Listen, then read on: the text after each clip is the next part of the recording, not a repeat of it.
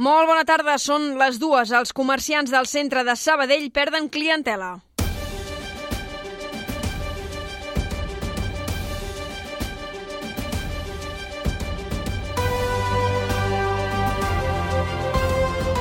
Notícies migdia, amb Helena Molist.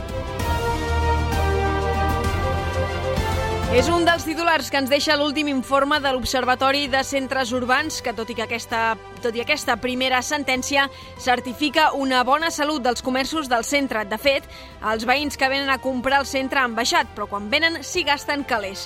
Un altre dels sectors que ha crescut ha sigut el de la restauració. Així ho explica Jordi Obradors, director de l'Observatori. La restauració Sabadell, amb, aquests, eh, amb aquesta sèrie històrica del 18 al 23, que ara ja comencem a tenir perspectiva i per tant ja no és una situació només conjuntural d'un semestre a l'altre, sinó amb una perspectiva, doncs, en aquest cas de 5 anys, eh, la restauració al centre de Sabadell ha crescut un 2,2% respecte al total de locals. En uns minuts repassarem aquestes dades, però també parlarem de piscines, ja que finalment el govern català sembla que fa marxa enrere en la prohibició d'obrir-les. Tot plegat ho repassarem en els pròxims 15 minuts amb la feinada del Departament d'Informatius i amb la reina de Ràdio Sabadell, Beatriz Aguilar, al control tècnic. Notícies migdia. La informació en 15 minuts.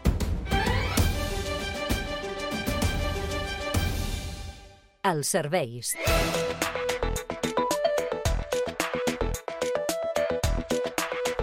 Com tenim el transport públic? Li preguntem a l'Albert Garran des del Transmet. Bon dia. Doncs en aquests moments actualitzem l'estat de les alteracions a Rodalies. D'una banda, la línia R3 es manté sense servei entre Parets i les Franqueses des de l'inici del servei a causa, recordem, del robatori de cable de la catenària. Per tant, s'està gestionant un servei alternatiu per carretera en aquest tram. Pel que fa a la línia R2, s'ha restablert ja la circulació a l'estació de l'aeroport i, per tant, s'espera la normalització progressiva del servei durant les properes hores. Pel que fa a la resta de la xarxa de transport, parlem de normalitat, així que, de moment, això és tot des del Transmet. Bon dia. I pel que fa a les carreteres que envolten la ciutat, trobem certa normalitat, a excepció de l'AP7, que a Santa Perpètua de Mogoda hi ha moltíssimes retencions. La notícia del dia. Us ho dèiem en titulars, el volum de vianants que accedeixen al centre de Sabadell ha baixat en un 14% respecte abans de la pandèmia, però tot i això, els comerços registren un increment de les vendes. Són algunes de les dades que posa damunt la taula el darrer estudi de l'Observatori de Centres Urbans, que també mostra un descens del pes del comerç que perd pistonada respecte dels serveis i l'hostaleria. A zones com la Rambla, el carrer Tres Creus o la Ronda Zamenhof, l'ocupació de locals és superior al 90%. Mireia Sans, molt bona tarda. Bona tarda. El client sabadellenc és eficient i això ho demostren les dades de l'Observatori que posen de manifest que de mitjana cada 10 persones que trepitgen el centre de Sabadell fan 16 compres, mentre que la resta de municipis de mitjana la dada es queda en 7 adquisicions. Per què pot passar? Així ho veu Jordi Obradors, director de l'Observatori dels Centres Urbans. Què vol dir això? Doncs que hi havia molta gent al carrer que no comprava. Uh, I sobretot entre setmana. Per què? Perquè anava a fer gestions. Anava al banc, anava a l'administració, anava a veure el gestor, el que sigui, no? O a fer encàrrecs, a recollir el nen, o el que sigui. Llavors, um, administració pública i banca, sobretot, després de la pandèmia hi ha hagut una digitalització enorme. No vull dir que no tinguessin els sistemes, però la ciutadania s'ha acostumat a fer servir aquests sistemes a partir de la pandèmia i, per tant, molts desplaçaments i molta mobilitat que estava relacionada amb aquest tipus de gestions ha desaparegut dels centres urbans. Ho ha explicat el Cafè de la Ràdio, com també que les dades de l'Observatori assenyalen que Sabadell està per damunt de la realitat d'altres centres analitzats.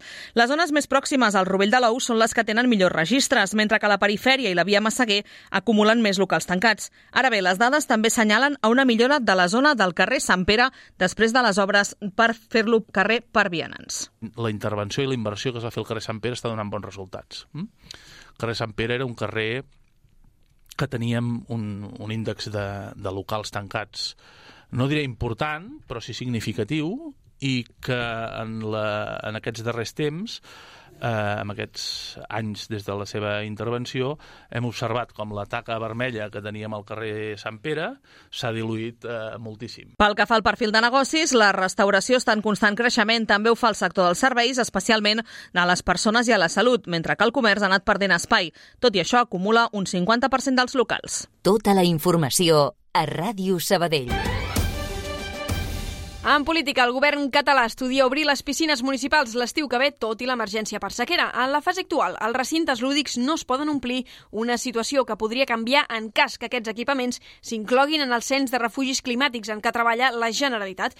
Pau Duran, què tal? Bona tarda. Bona tarda, Helena. Doncs mira, el conseller d'Acció Climàtica, David Mascort, ho ha dit avui en una entrevista a TV3 en què ha puntualitzat que en una situació normal les piscines no podran obrir. Imaginem un barri on no hi hagi cap biblioteca, cap sala de lectura, cap espai on ens puguem anar amb aire condicionat a refugiar climàticament els veïns d'aquella zona. Doncs llavors poder, podríem estudiar que aquella piscina es convertís en un refugi climàtic i es pogués omplir.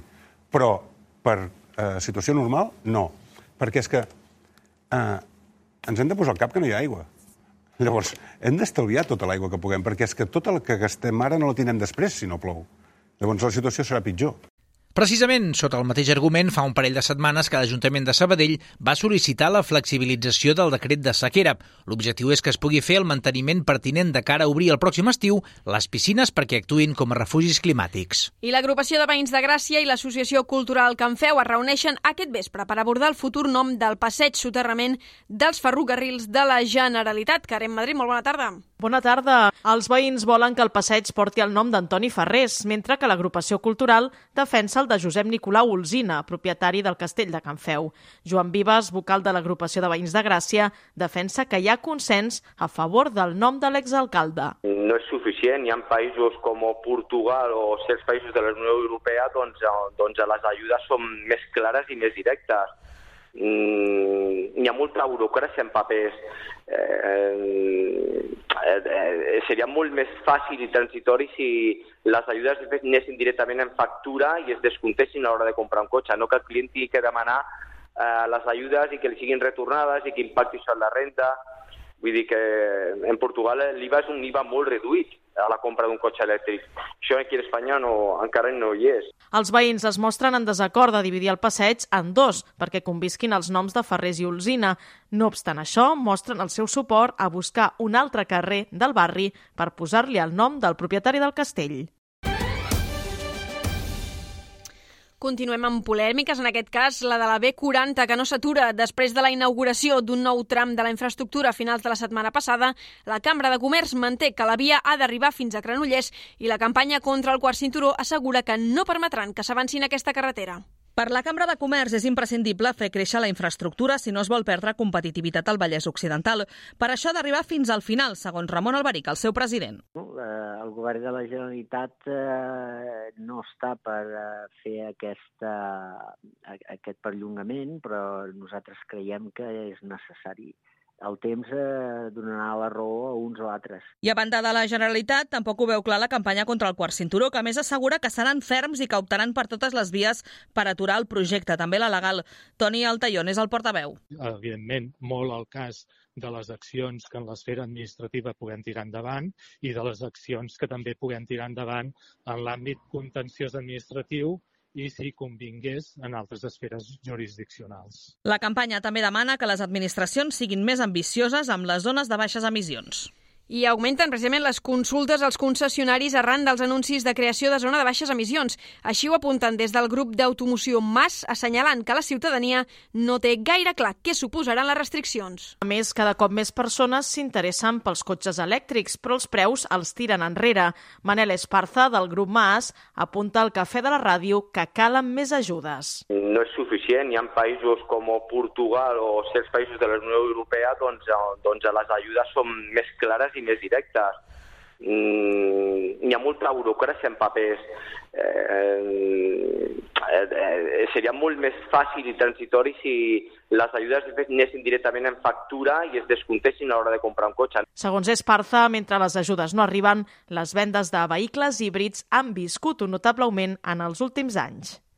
I les actuacions que el programa Gran Via Ripoll està fent a l'entorn de l'eix de circulació es mantenen. Actualment s'està treballant al carrer Quevedo, a Covadonga, al carrer del Sol, al centre, al carrer Ribé, entre l'Avinguda Pera i la plaça Espanya i el carrer Forrellat, entre plaça Espanya i la carretera de Plats. Tot plegat, quan ja s'ha obert la plaça ubicada entre els carrers Illa i Estació, al lateral de la Gran Via. Sí, s'ha substituït l'anterior aparcament de zona blava per un espai obert als veïns que conté mobiliari, arbres i una zona verda. L'actuació ha tingut un cost de 800.000 euros. Ràdio Sabadell. L'actualitat en 15 minuts. Segons l'Institut Nacional d'Estadística, Sabadell hi ha més de 5.700 pisos buits. Davant d'aquesta realitat, la crida per Sabadell reclama solucions per ampliar el pla d'habitatge públic. És per això que els anticapitalistes porten al pròxim ple una moció respecte al tema. Ana Lara, regidora de la crida, l'explica. Demanem que la, es treballi, demanar a l'estat espanyol i a la Generalitat de Catalunya que treballin per habilitar mecanismes urgents d'expropiació d'habitatge buit de grans tenidors. També demanaran expropiar temporalment aquells pisos que estiguin habitats durant menys d'un mes a l'any.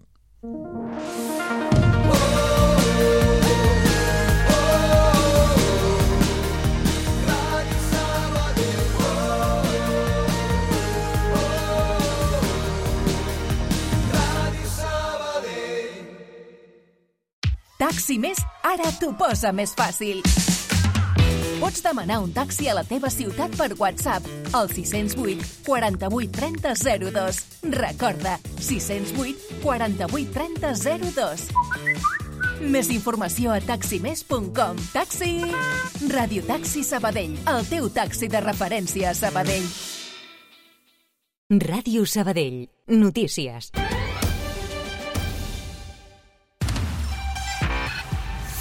Més informacions que ens han deixat el dia d'avui. Les farmàcies de Sabadell comencen a formar-se aquesta setmana per distribuir productes d'higiene femenina. Tot plegat en previsió que durant la primera setmana de març aquests establiments comencin a repartir de forma gratuïta articles com copes, calces menstruals o compreses reutilitzables. Meritxell Blanchard, coordinadora del Col·legi de Farmacèutics del Vallès Occidental Est, explica com s'hauran de sol·licitar aquests productes. Totes les dones menstruants de Catalunya a través de la meva salut tindran un codi QR que aniran a les farmàcies i així podran fer doncs, la... bueno, les farmàcies poden fer la dispensació d'aquests productes. La iniciativa forma part d'un programa impulsat des del Departament d'Igualtat i Feminismes de la Generalitat. Cultura. Avui el programa de televisió Operació Triunfo celebra la seva final i com no podia ser d'una altra manera hi haurà presència sabadellenca. Els germans Ten, productors musicals, han sigut els encarregats de crear les bases de les cançons que sonaran. De fet, fa més de 20 anys que ho fan.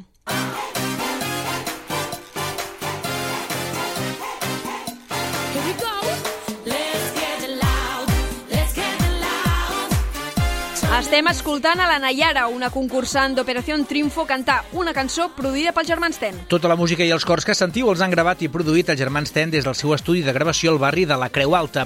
Antoni Ten ha explicat en declaracions a Ràdio Sabadell què significa per ells treballar en un programa com OT. És treballar de pressa i sobretot treballar bé, perquè si no, no, no t'agafarien, clar.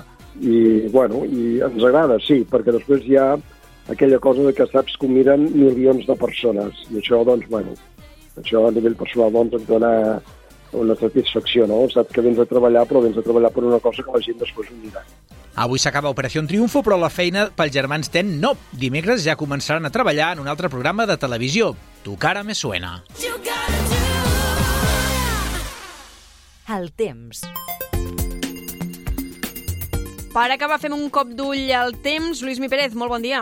Un aspecte molt emblanquinat al cel. De fet, encara tenim molts núvols prims, som completament esquifits, no som preludi de canvi de situació i, per tant, de cap mena de pluja, però sí que al llarg de les immediates hores ens anirà deixant un sol una mica balat i bàsicament aquests núvols el que faran és decorar el sol i permetran igualment que pugui pujar la temperatura. Per tant, la tarda acabarà sent una altra vegada molt suau, de fet ja ho és a hores d'ara, però estarem parlant que màximes de 20-22 graus tornaran a sovintejar al llarg d'aquesta tarda, sobretot a les comarques de la costa, del prelitoral i de Girona.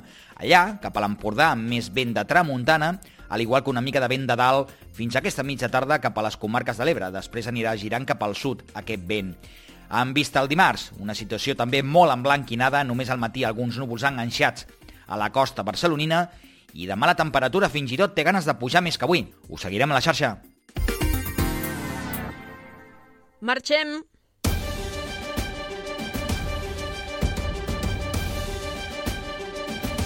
Ja ho hem explicat tot, toca marxar, però podeu seguir informats de tot el que passarà aquesta tarda, si és que va passar alguna cosa, a radiosabadell.fm. També podeu recuperar allà aquest uh, informatiu meravellós. Que vagi molt bé, ens veiem demà. Allà on siguis, escolta'ns online. En directe.radiosabadell.fm